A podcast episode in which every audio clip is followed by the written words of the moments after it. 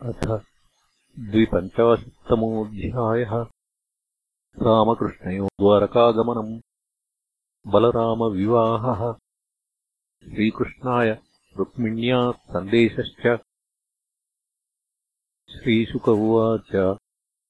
इत्थम् सोऽनुगृहीतोऽङ्ग कृष्णेनेक्ष्वाकुनन्दनः। तम् परिक्रम्य संनम्य निश्चक्रामगुहामुखात् सवीक्ष्य क्षुल्लकान् मत्स्यान् पशून् वीरुद्वनस्पतीन् मत्वा कलियुगम् प्राप्तम् जगामध्यमुत्तराम् तपः श्रद्धायुतो धीरो निःसङ्गो मुक्तसंशयः। समाधाय मनः कृष्णे प्राविशद्गन्धमादनम्। बदर्याश्रममासाद्य नरनारायणालयम् सर्वद्वन्द्वसहस्रान्तस्तपसाराधयद्धरिम्। भगवान् पुनराव्रज्य पुरीम् यवनवेष्टिताम् हत्वाम्लेच्छबलम् निन्ये तदीयम् द्वारकाम् धनम्। नीयमाने धने गोभिः नृभिश्चाच्युतचोदितैः आजगामजरासन्धः त्रयोविंशत्यनीकपः। विलोक्यवेगरभसम् रिपुसैन्यस्य माधवौ। मनुष्यचेष्टामापन्नौ। राजन् दुद्रुवतुद्धृतम् विहाय वित्तम् प्रचुरमभीतौ भीरुभीतवत्। पद्भ्याम् पद्मपलाशाभ्याम् चेरतुर्बहुयोजनम् पलायमानौ तौ दृष्ट्वा मागधः प्रहसन् बली। अन्वधावद्रथानीकैः ईशयोरप्रमाणवित्। प्रदृत्य दूरम् संश्रान्तौ तुङ्गमारुहताम् गिरिम् प्रवर्षणाख्यम् भगवान् नित्यदा यत्र वर्षति। गिरौ निलीनावाज्ञाय नाधिगम्यपदम् नृप। ददाह गिरिमेधोभिः समन्तादग्निमुत्सृजन्। ततौत्पत्यतरसा दह्यमानतटादुभौ। दशैकयोजनोत्तुङ्गान्निपेततुरधो भुवि। अलक्ष्यमाणौ रिपुणा सानुगेन यदूत्तमौ। स्वपुरम् पुनरायातौ समुद्रपरिखाम् नृप सोऽपि दग्धाविति मृषा मन्वानो बलकेशवौ। बलमाकृष्य सुमहन्मगधान् मागधो ययौ। आनर्ताधिपतिः श्रीमान् त्रैवतो रेवतीम् सुताम्। ब्रह्मणा चोदितः प्रादाद्बलायेति पुरोदितम्। भगवानपि गोविन्द उपयेमे कुरूद्वः वैदर्भीम् भीष्मकसुताम् श्रियो मात्राम् स्वयंवरे। प्रमथ्यतरसाराज्ञः साल्वादींश्चैद्यपक्षगान् पश्यताम् सर्वलोकानाम् सार्क्ष्यपुत्रः सुधामिव। राजोवाच भगवान् भीष्मकसुताम् रुक्मिणीम् रुचिराननाम् राक्षसेन विधानेन उपयेमैति श्रुतम्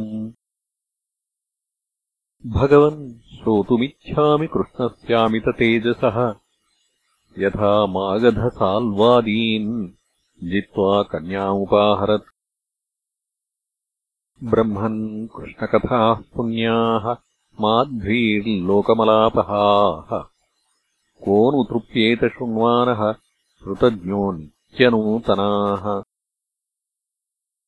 श्रीशुक उवाच राजासीद्भीष्मको नाम विदर्भाधिपतिर्महान्।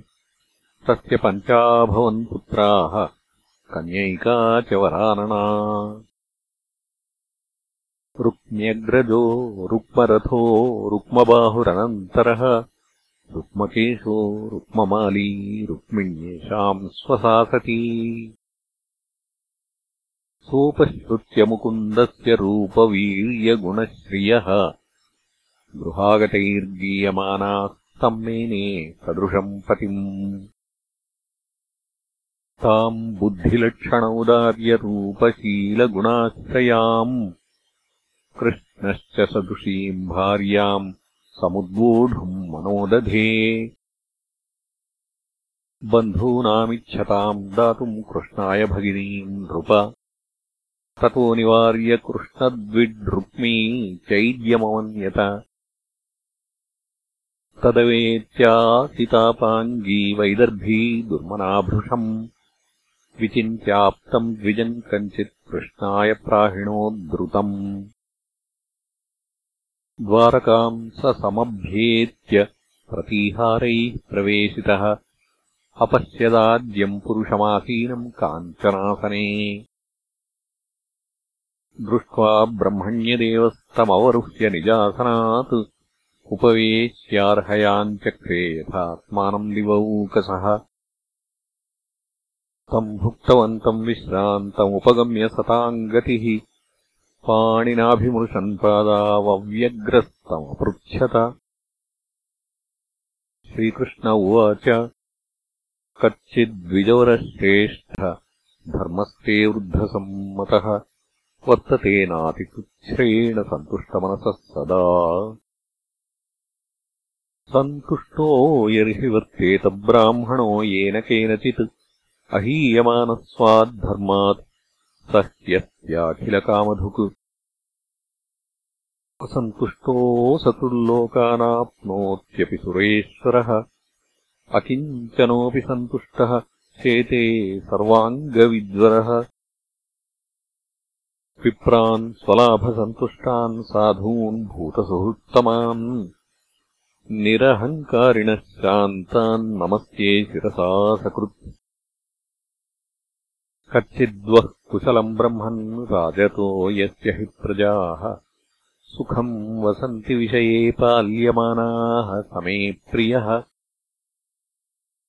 यतः त्वमागतो दुर्गम् निस्तीर्येह यदिच्छया सर्वम् नो ब्रूह्यगुह्यम् चेत् किम् कार्यम् करवामते?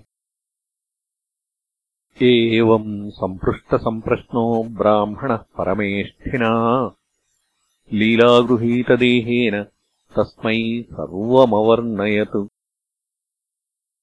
रुक्मिण्युवाच श्रुत्वा गुणान् भुवनसुन्दरशृण्वताम् ते निर्विश्यकर्णविवरैर्हरतोऽङ्गतापम् रूपम् दृशाम् दृशिमतामखिलार्थलाभम्।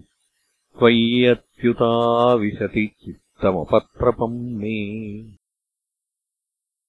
का त्वा मुकुन्दमहती कुलशीलरूपविद्यावयो द्रविणधामभिरात्मतुल्यम् धीरापतिम् कुलवती न वृणीतकन्या काले नृसिंहनरलोकमनोभिरामम्।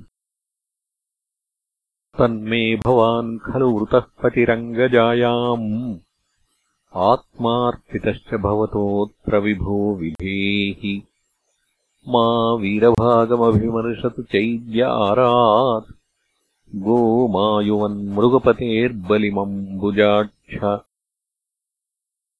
गोमायुवन्मृगपतेर्बलिमम्बुजाक्ष पूर्तेष्टदत्तनियमव्रतदेवविप्र गुर्वच्चनादिभिरलम् भगवान् परेशः।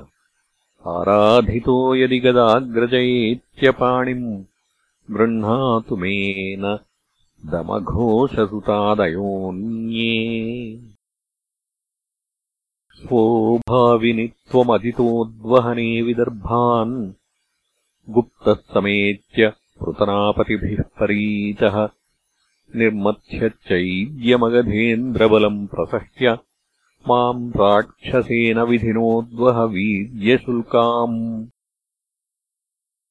अन्तःपुरान्तरचरीम् अनिहत्य बन्धून् त्वामुद्वहे कथमिति प्रवदाम्युपायम् पूर्वेद्युरस्ति महती कुलदेवियात्रा यस्याम् बहिर्नववधूर्गिरिजामुपेयात् यस्याङ्घ्रिपङ्कजरजः स्नपनम् महान्तो वाञ्छन्त्युमापतिरिवात्मतमोपहत्यै यर्ह्यम्बुजाक्षनलभेऽभवत्प्रसादम् जह्यामसून् व्रतकृशान् शतजन्मभिः स्यात्